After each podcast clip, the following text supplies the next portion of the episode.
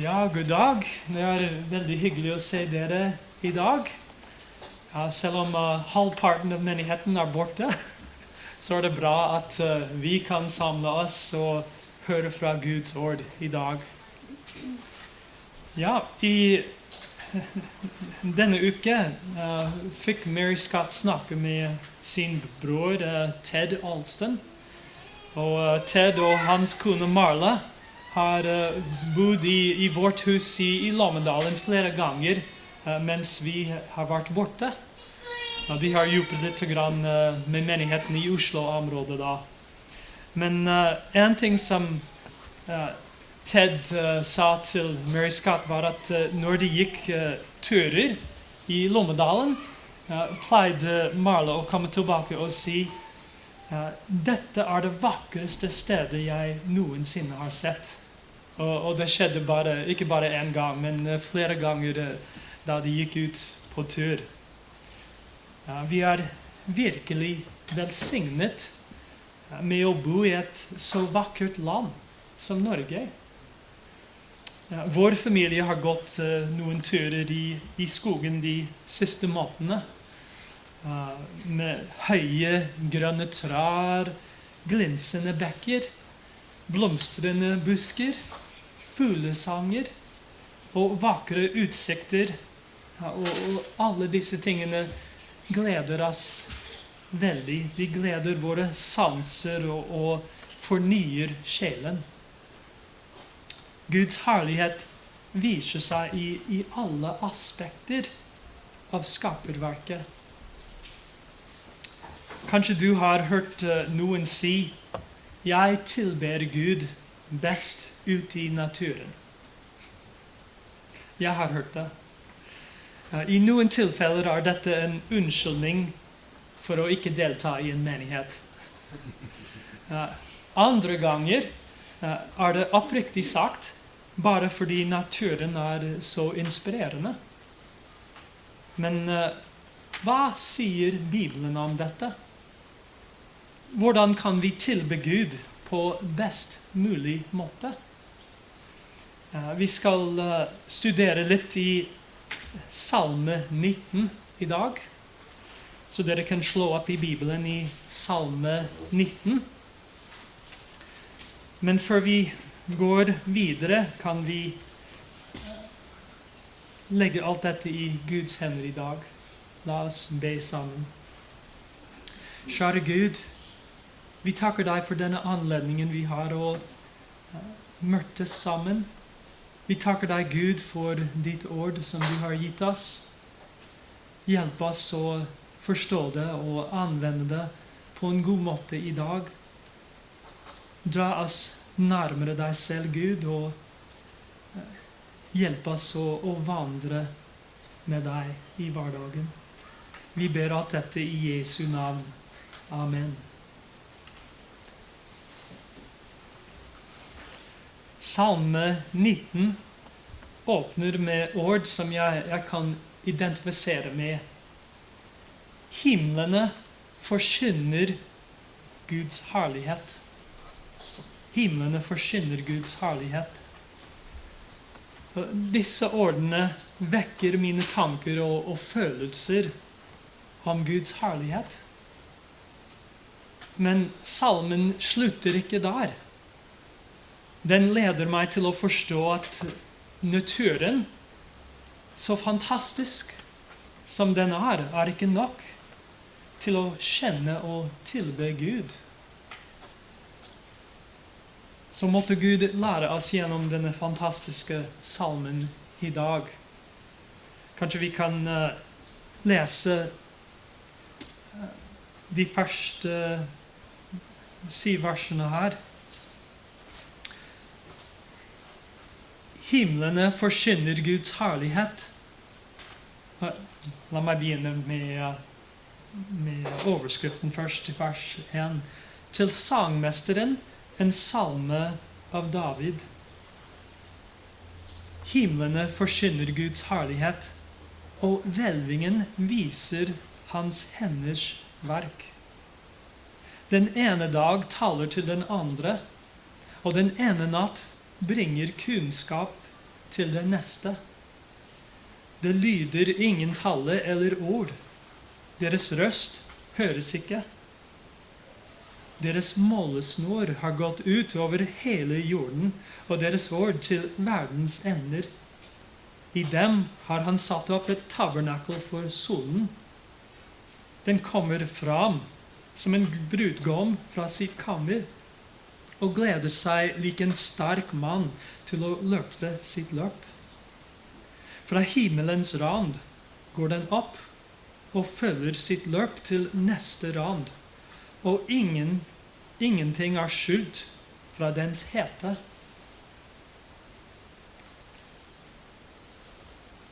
Vi hører det i, i disse versene, og uh, salmen er, er, delt opp i tre deler. Og denne er første delen som, uh, som jeg har lest. Og i denne delen åpenbarer Gud seg eh, gjennom skaperverket. Han åpenbarer seg selv gjennom skaperverket. Overskriften eh, heter 'Til sangmesteren', en salme av David. Kong David er forfatteren. Og salmen tar utgangspunkt i, i Davids opplevelse. Og som hele Skriften er, er denne salmen innåndet av Gud. Og derfor kan vi si at Den hellige ånd er ekte forfatteren til uh, salme 19. Og overskriften minner oss at denne salmen skulle synges. Den skulle brukes som lovsang. Og sang er en, en veldig god måte å grunne på bibelske sannheter. Melodien hjelper altså å, huske og lære sannhetene utenat. Kanskje du har hatt den opplevelsen av å, å ha en tone, en melodi, går gjennom dine tanker flere ganger. Uh, og hvis det er Guds ord du grunner på gjennom den melodien, så er det topp. det er best. Jeg har en sang faktisk som er basert på Salme 19, men jeg tenkte det var litt uh, vanskelig å prøve å få det til i dag. Jeg hadde ikke særlig tid til det, men uh, kanskje vi kan lære det en annen gang. Uh, den som jeg er kjent med, er på engelsk, men uh, det er faktisk mange sanger uh, som er basert på Salme 19. de flere deler av Salme 19. Så kanskje vi kan lære noen av disse. Jeg syns at salmen er veldig nydelig, men altså veldig hjelpsom.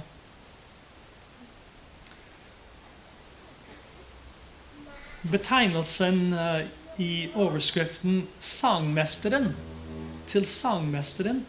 Det dukker opp i, i, overskriftene til mange salmer av, av David i Salmenes bok. Kanskje dere husker at uh, kong David utnevnte menn blant levitene og lede sangen i Herrens hus. Vi leser det i Det gamle testamentet i første kronikerbok. F.eks. at han utnevnte folk som kunne lede med, med lovsang. Og sangmesteren var kanskje en av disse. Vi er ikke helt sikre på det. Men det er mest sannsynlig at uh, sangmesteren var en av de som ble utnevnt til å, å lede med, med, lovsang. Og så Før vi går videre, vil jeg gjerne si litt om uh, hebraisk dikt. For det er kanskje ikke noe som vi er helt vant til. Vi er selvfølgelig kjent med salmene og hvordan de er. Men uh, hebraisk dikt er basert mer på ideer enn f.eks. på rytme eller rim, som, uh, som, vi pleier å bruke på norsk eller på engelsk. Um, og det som uh, vi finner i hebraisk dikt, er at setningene eller leddsetningene kommer ofte, ofte i par, hvor den første utfylles av den andre. Det er akkurat det som vi leser her i de første to versene, hvor det, det står Himlene forsyner Guds herlighet, og hvelvingen viser hans henders verk. Det er to ideer der. Og den andre ideen utfyller den første. Den første handler om, om uh, himlene. Og eh, den andre handler mer om uh, det som Guds skaperverk. Det første har noe å si om, om Gud, mens den andre om uh, hans gjerninger, hva han har gjort. Noen ganger finner vi par i salmene hvor det er uh, en motsetning. Hvor, hvor, du har en setning, og den neste setning gir, gir en kontrast. Ja, og andre ganger finner vi uh, to setninger som er ganske like. Hvor det er bare en annen måte å si det samme ting en annen gang på en annen måte. Så slik finner vi uh, par eh, i hebraisk dikt. Og som vi har på vårt språk betydning av hebraisk dikt er ikke overfladisk. Det er ikke noe som vi finner uh, når vi leser det bare én gang, eller for første gang. Man må grunne på det for å forstå innholdet. Og det er viktigheten med salmene. At vi, når, du, når f.eks. du leser hjemme i salmene, at du bare ikke blar gjennom veldig fort. Det er ikke ment sånn. Det er ment for oss å grunne på ordene og finne ut av hva det betyr. Noen ganger er det sammenlignelser som vi må tenke på. Andre ganger er det som sagt motsetninger, kontraster. Men den kontrasten må man tenke på for å forstå hvor, hvorfor uh, gjør samisten dette. Hvorfor uh, gjør han denne kontrasten som vi finner. Og så er det altså ofte gåter som vi ikke forstår, og som vi må egentlig grunne på. Hva, hva, dette, hva handler dette om? Så i dag skal vi prøve å, å grunne litt på Salme 19, det som står her og finne ut hva Gud vil at vi skal forstå ut av det. Vers 2 begynner, som jeg leste allerede. Himlene forsyner Guds herlighet, og hvelvingen viser hans henders verk.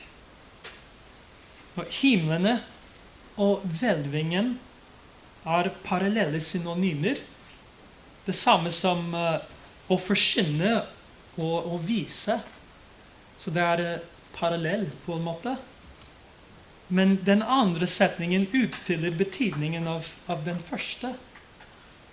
Himlene forkynner om Guds herlighet, hans ære, hans herlighet, hans majestet.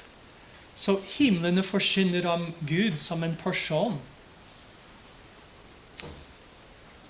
Men den neste setning sier hvelvingen viser hans henders verk. Så den utfyller ideen.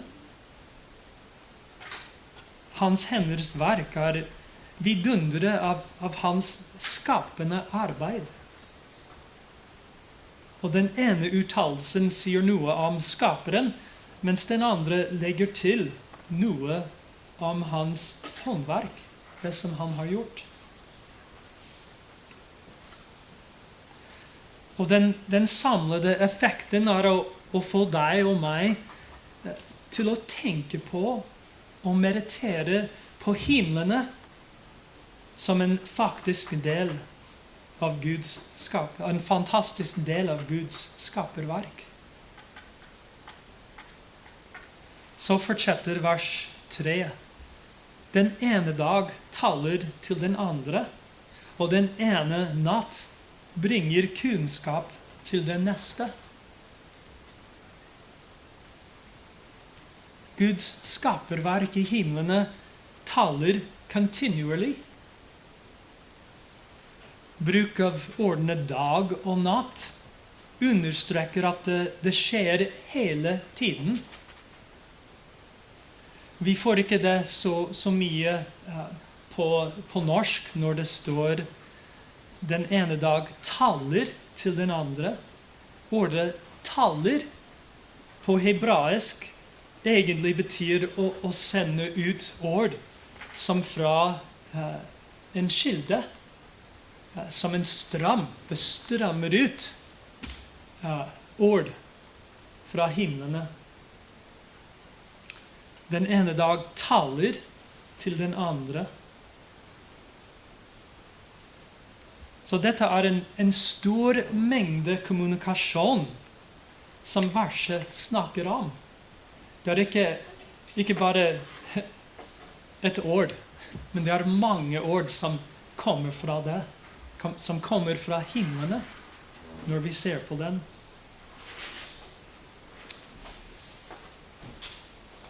Jeg husker en gang da jeg var en, en ungdom. Jeg fikk lov til å bli en, en del av en ungdomsgruppen i, i, vår menighet. Det var spennende for meg som 13-åring å kunne begynne som ungdom i, i den gruppen. Fordi de, de, hadde mange gode aktiviteter som, uh, som, jeg likte. Og en av dem var å, å gå um, camping uh, om høsten. Ja, og um, jeg husker den høsten uh, gikk gruppen uh, på en telttur til et stort fredet område som var Alt var furutrær og Ja, det var veldig spennende å være der. Det var gøy. jeg likte det. Og på kvelden lå jeg og noen av mine kamerater ved Bolles siste glødende kul. Og um, vi styret opp i himmelen og begynte å, å, snakke om stjernene. Og vi snakket om stjernebildene. Og vi snakket om galaksene og hvor mange stjernene som fins. Hvor langt borte de er fra hverandre. Og hvor stort universet er. Vi hadde den tiden fordi vi hadde ingen annet å gjøre enn å bare ligge der og styre opp mot himmelen. Og det gjorde oss til å tenke. Og det er akkurat det som salmen handler om. At himlene forsyner Guds ære. Vi ser det når vi ser opp til himmelen og grunner på det som vi ser.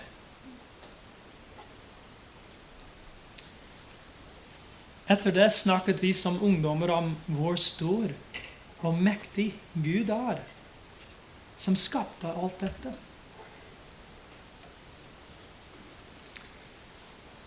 Versene fortsetter i vers 4. Det lyder ingen tale eller ord.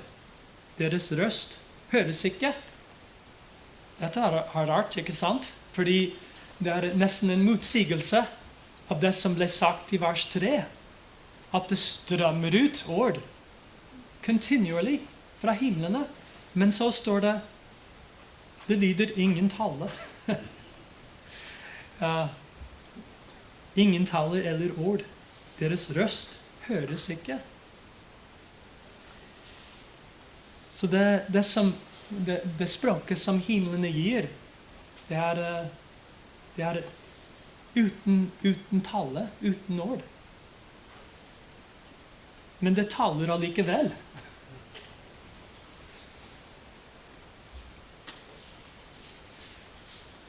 Så leser vi om solen.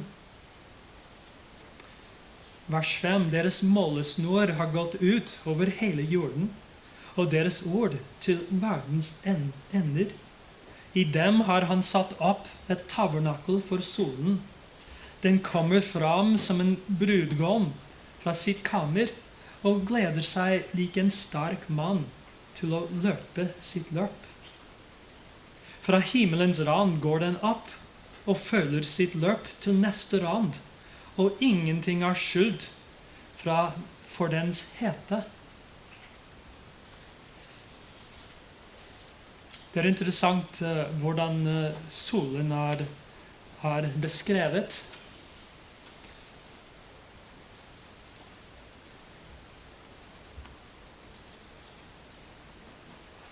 Vers 6 gir et, eh, et, bilde. Den kommer fram som en brudgom fra sitt kammer. Og dette er litt ukjent for oss, fordi uh, i Israel var det, de var vant til at uh, en brudgom skulle komme fra det kammeret fra et telt på den kanskje første dagen etter å ha giftet seg, og som en sterk mann. Du kan tenke på en slik situasjon. Eh, jeg husker da jeg ble gift for første gang. Ja, jeg følte som en helt den første dagen, særlig. ja, så det, du har det, dette bildet av solen som kommer ut. Og kanskje vi er litt, litt uvant til det her i Norge fordi um, vi bor så langt mot nord. Men hvis du bor uh, nærme ekvator, så er det slik at uh, solen står plutselig opp. Det går fra natt til dag veldig, veldig plutselig. Så vi, vi har andre ting som vi observerer med solen her, langt mot nord. Men for de som bodde nærmere ekvator, uh, var det slik at uh, solen bare ble synlig med en gang. Og, og, og det bildet av en uh, sterk mann som kommer ut av teltet, er veldig passende da. Ja, og som en eh, sterk mann til å, å løpe sitt løp. Du kan tenke på um, hvordan uh, David opplevde solen personlig. Uh, særlig når han var ute veldig, veldig mye med sauene. At uh, han hadde en sjanse både å se opp mot stjernene om natten og se den, den når solen sto opp neste dag, at det skulle bli plutselig dag. Han hadde mulighet til å tenke på det og grunne på det. Og tenke hvor fantastisk Gud er. Hvor allmektig han er. At han skapte alt dette.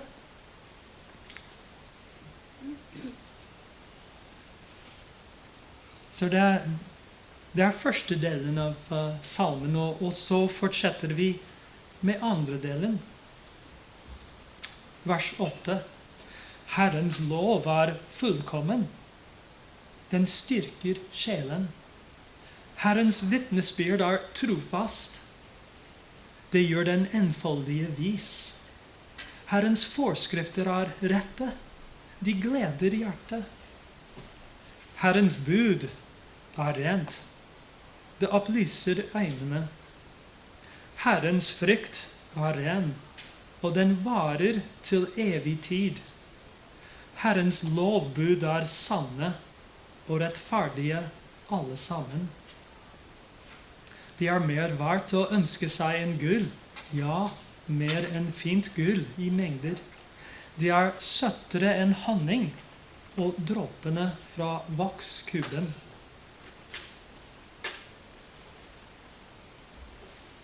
er dette et annet tema som begynner i vers 8. Det ser ut som det. Det høres helt annerledes enn det som vi leste i de første syv versene. Men hvis du tenker på det, hvis du grunner på det, oppdager du at nei, det er ikke et annet tema. Det er akkurat samme tema.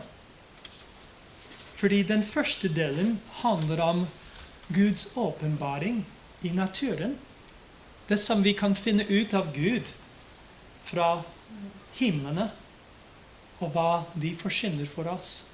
Det er Guds generell åpenbaring vi hører om i, i de første syv versene. Men nå det er altså Guds åpenbaring vi hører om, Men nå er det Guds åpenbaring gjennom loven. Guds spesiell åpenbaring som kommer fra Guds ord. Så det er ikke et annet tema. Det er egentlig samme tema.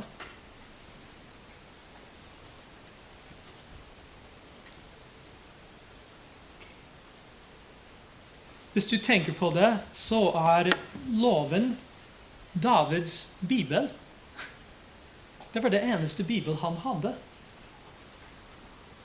Fordi uh, profetene de, de ble, hadde ikke levd. De hadde, de hadde ikke skrevet ennå. Og um, det kan hende at noen av de historiske bøkene i Det gamle testamentet, Ruth og um, Josva, kanskje de ble skrevet. Så jeg vet ikke om, om David hadde tilgang til dem. Men han tenkte særlig på Moseloven som Guds ord. Og det var hans, eh, det var hans bibel. Så derfor det som han sier om, om Guds ord, er, er, viktig. Og i disse versene, vers, fra vers 8 til 11, eh, vi får en beskrivelse av loven. Og så får vi, eh, vi får høre en fordel med det. En personlig fordel. Vi hører f.eks.: Herrens lov er fullkommen. Den styrker sjelen. Herrens vitnesbyrd er trofast. Det gjør den enfoldige vis. Her kan vi se at det er en det er eh, mange ord om uh, forskjellige ord som betyr Guds lov. Loven. Uh, Guds lov, Herrens lov, begynner han. Den er fullkommen. Det er helt perfekt. Det er ingenting som mangler i den. Og den styrker sjelen. Så hvis vi tenker i, i forhold til det som vi lærte om naturen. Vi kunne lære fra naturen om, om Guds ære, hans herlighet, hans majestet. Men eh, den har ikke evne til å styrke sjelen på samme måte som loven gjør. Herrens vitnesbyrd er trofast. Det gjør den enfoldige vis. Så igjen ser vi at uh, vi finner ting i loven, i Guds ord, som er i stand til å gjøre oss vis. Det får vi ikke fra uh, naturen. Vi får ikke det som vi trenger å gjøre oss vis i naturen, så fantastisk som den er. Vi trenger mer enn det. Vi trenger Guds åpenbaring gjennom Bibelen loven.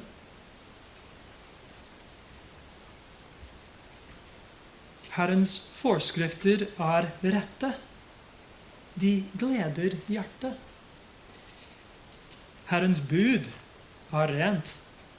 Det opplyser øynene. Det er interessant at, at uh, forfatteren sier 'hans bud er rent'. Det opplyser øynene. Fordi i begynnelsen av salmen snakket han om lys som Gud skapte. Både stjernene og solen. Og at uh, vi gleder oss, og, og vi, vi, lærer om Guds ære fra dem. Men de har ikke samme evne til å opplyse øynene.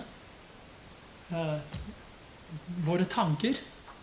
På samme måte som Guds loven den har evne til å gjøre det. Til å opplyse våre tanker, våre indre mennesker. Uh, solen opplyser det ytre, men Guds ord opplyser det indre.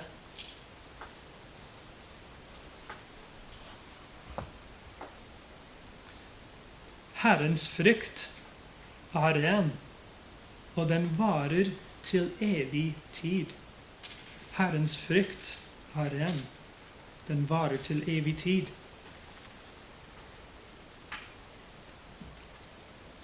Noen tenker at uh, når det står uh, 'Herrens frykt', at det er en, en annen betegnelse på Guds ord. Uh, fordi Guds ord er det som skaper Guds frykt. Jeg vet ikke om det er sant eller ikke, men vi kan godt observere at Guds frykt den, den kommer fra Guds ord. Fra å lese i Guds ord. Da frykter vi ham. Så begge varer til evig tid. Enten du snakker om uh, frykt for Gud eller Guds ord selv. Det varer til evig tid. Det er noe som vi ikke kan si om skapelsen, for vi, vi vet fra Skriften at uh, alt som er i naturen, skal forsvinne en dag. Det skal brennes opp.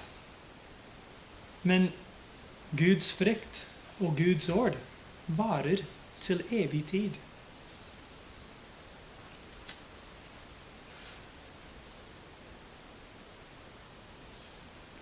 Herrens lovbud er sanne og rettferdige, alle sammen.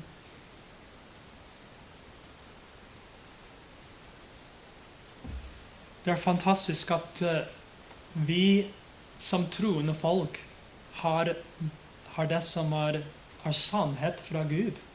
Hans sannhet har vi i Guds ord. Mange folk prøver å, å leve på en uh, god måte.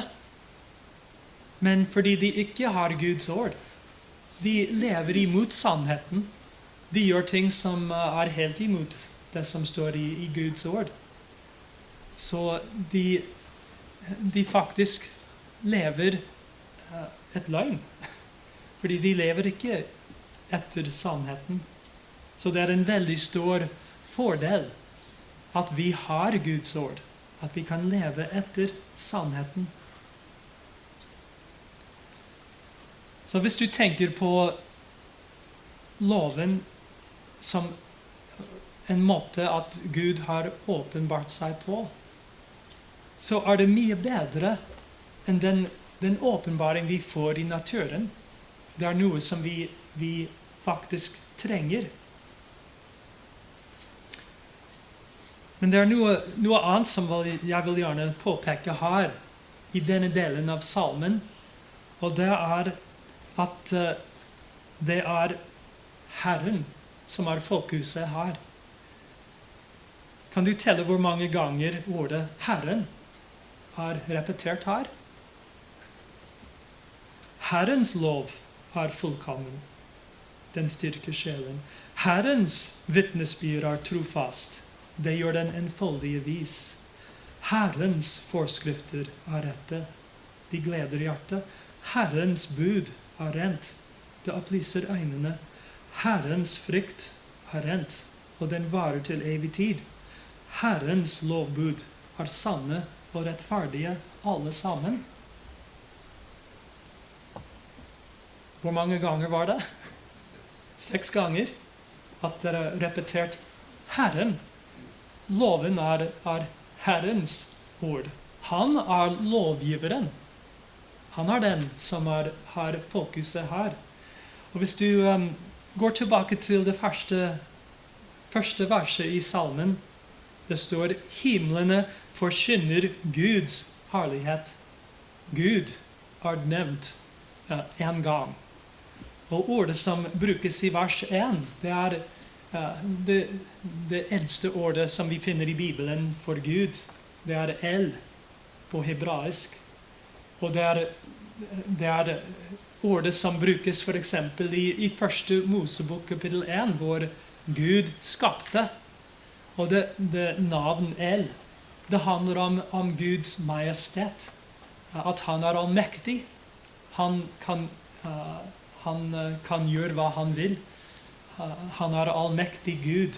Det er ordet El, betyr det. Men når vi kommer til vers 8, begynner salmisten å bruke et annet navn. Herren. Og ordet på hebraisk er Jehova.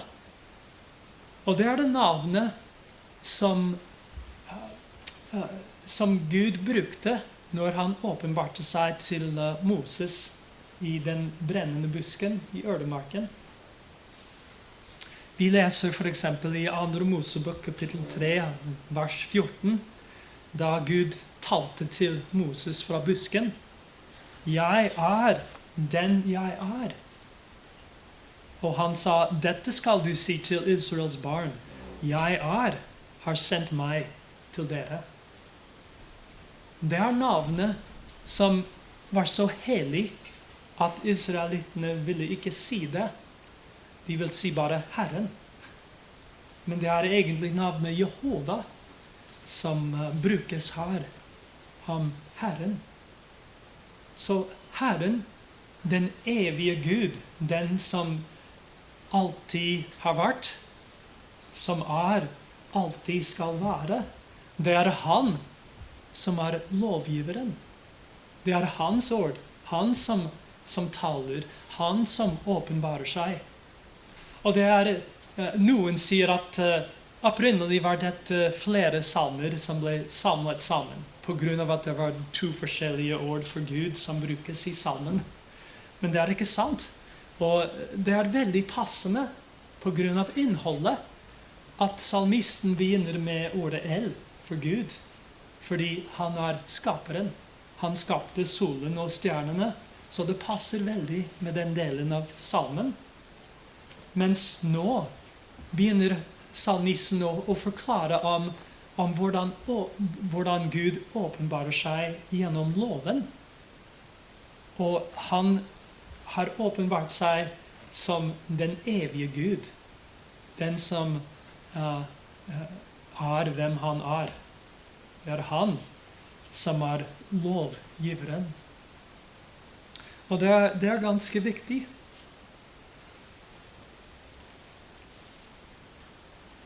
Vi kommer tilbake til det. Men uh, denne delen avslutter med verdien av loven. Verdien av det. Vers 11. De er mer verdt. De er Guds uh, lovbud. Hans uh, ja, hans vitnesbyrd osv. De er mer verdt å ønske seg en gull. Ja, mer enn fint gull i mengder. De er søtere enn honning og dråpene fra vokskuben. Ja, I vers 11 er det to forskjellige ord til gull som er brukt, og to forskjellige ord om honning som er brukt. Når det gjelder gull Det første ordet de er mer verdt å ønske seg enn gull. Det er gull som vi finner i naturen. gull som kanskje ikke er rent eller renset, på en måte. Mens den andre ord som brukes, er fint gull, det er, det er rent gull. Så Guds ord i loven det er mer dyrebar enn det fineste av gullet. Og det samme med honning. Eh, det er søtere enn honning. Og dråpene fra vokskuben. De dråpene fra vokskuben det var, det var regnet som den søteste delen av honningen. Så du har honning, og så har du den søtteste delen. Og Guds ord er, sammenlignet med det. Det søtteste av det søtt. Det var hvordan David som forfatteren regnet Guds ord. Loven. Det hadde en veldig høy verdi til ham.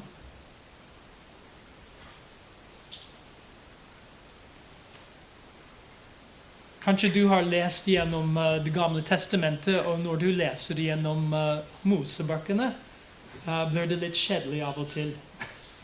Særlig når det gjelder mange navn og mange regler og lover, og du tenker åh, Nå må jeg lese dette. Og du pugger gjennom det. Men eh, ja, og kanskje du, du, tenker at ja, det hadde vært uh, mer spennende å, å, være ute og se på solen. Eller stjernene. Men det som uh, David sier, er at nei. Loven er mye bedre for meg. Mye bedre for meg enn det. Og han uh, grunnet på det. Han tenkte på det. Og det betydde noe for ham. Det hadde en veldig høy verdi i hans liv. Og vi kommer til det. I den siste delen av, av salmen finner vi ut hvorfor han regnet loven uh, så høyt som han gjorde.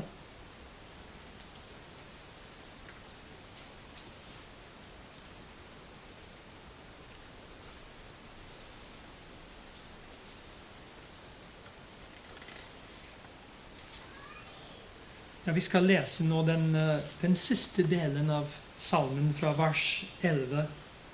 De er mer verdt å ønske seg enn gull, ja, mer enn fint gull i mengder.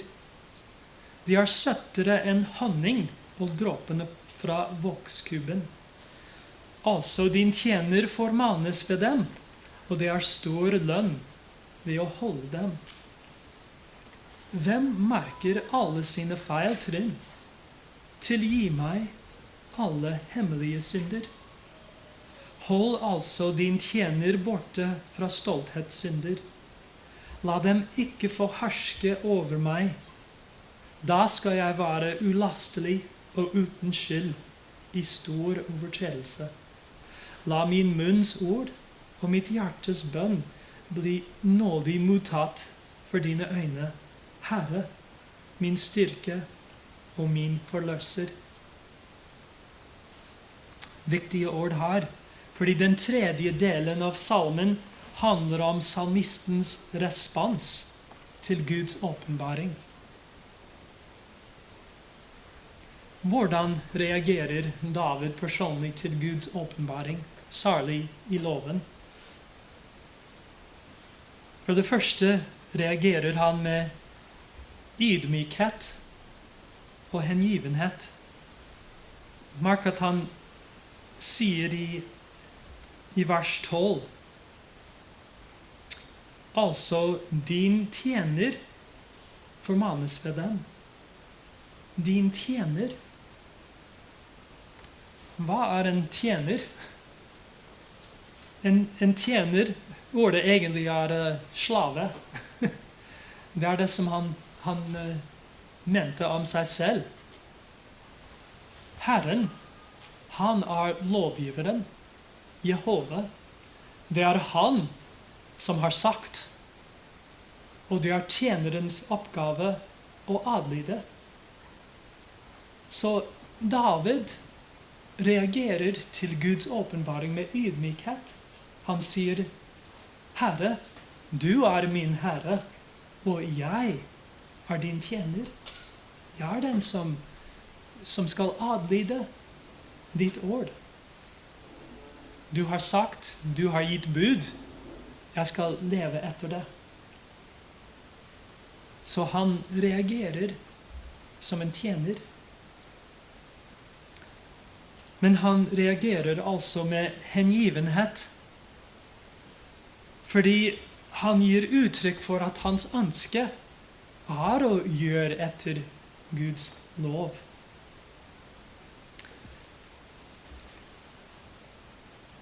Altså din tjener formanes ved dem, og det er stor lønn ved å holde dem.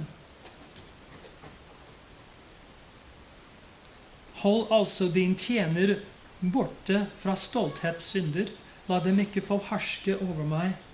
Da skal jeg være ulastelig og uten skyld i stor overtredelse så var det, det var hans ønske å gjøre akkurat som Gud sa i loven.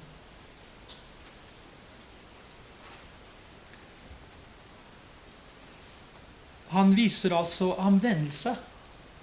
Han vil, han vil ikke leve som en synder. Og han nevner det her. Hvem merker alle sine feiltrinn? Tilgi meg alle hemmelige synder. Hvem merker alle sine feiltrinn? Eh, svaret her er ingen. Jeg kan ikke. Jeg, jeg kan ikke se alle mine egne synder, mine egne synd. Jeg, jeg kan ikke se det uten hjelp. Jeg trenger Guds hjelp. Jeg trenger det som er skrevet i loven, for å vise meg hvordan jeg synder mot Gud. Og jeg trenger altså Guds hellige ånd å åpenbare for meg gjennom ordet det som jeg har gjort, som er syndig. Så vi trenger Guds ord. Og David vil ikke bare vite det som uh, han kan forstå, men han sier 'tilgi meg alle hemmelige synder'. Det er disse syndene som vi gjør, som vi ikke vet er synder. Det er ting som er skjult for oss. Men vi gjør det allikevel. Vi, vi synder hver dag på mange måter uten å vite det. Det er bare Gud som kan åpenbare dette for oss gjennom året, slik at vi kan forstå ja, dette er synd i forhold til en hellig Gud. Så David vil, vil ikke fortsette å synde, enten det blir en synd som han har kjent med, eller en synd som er skjult for ham. Men han vil at Gud skal åpenbare det for ham. Han trenger Gud for å, å gjøre det. Han sier altså i vers 14.: Hold altså din tjener borte fra stolthetssynder. Det er de type synder vi, vi gjør uh, med vilje. De som vi uh, vet er feil og synd, men vi gjør dem allikevel. Og han sier, 'La dem ikke få herske over meg'. Så vi ser at, at eh, David vil gjerne anvende seg fra synd og leve et oppriktig liv for Gud. Han kommer til å gjøre det bare av Guds ord, som han kan lese i loven. Men så viser han tillit til Gud. Han viser, at, uh, han viser gjennom ord her at uh, det er bare Gud som kan hjelpe ham. Bare Gud er i stand til å, å vise ham hvordan han synder, og, og hvordan han kan leve et oppriktig liv. Han slutter i vers 15.: La min munns ord og mitt hjertes bønn bli nådig mottatt for dine øyne, Herre, min styrke og min forløser.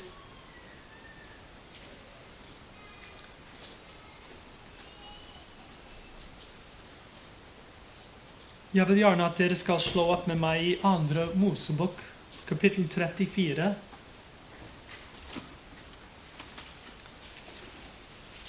Fordi du tenker kanskje Kan Gud virkelig åpenbare seg i loven på denne måten? Hva, hva kan man lære i loven? Og jeg tenkte på dette skriftstedet. Andre Mosebok 34, vers 5.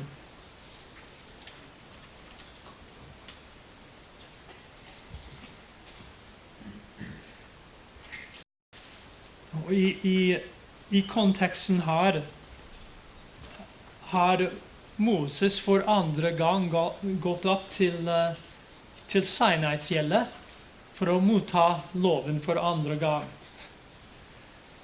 Dere husker hva som skjedde første gang. Men uh, ja, nå er Moses tilbake på fjellet for andre gang. Og så taler Gud til ham. Og vi leser fra vers, vers 5. Nå steg Herren ned i skyen og stilte seg sammen med ham der og han forsynte Herrens navn. Herren gikk forbi rett framfor ham og forsynte Herren Herren Gud Var barmhjertig nådig, sen til vrede og rik på miskunn og sannhet. Han fastholder miskunnhet mot tusen slektsledd, tilgir misgjerning og overtredelser og synd. Han holder sannelig ikke den skyldige uskyldig, men lar fedrenes misgjerninger komme over barn og barnebarn i tredje og fjerde slektsledd.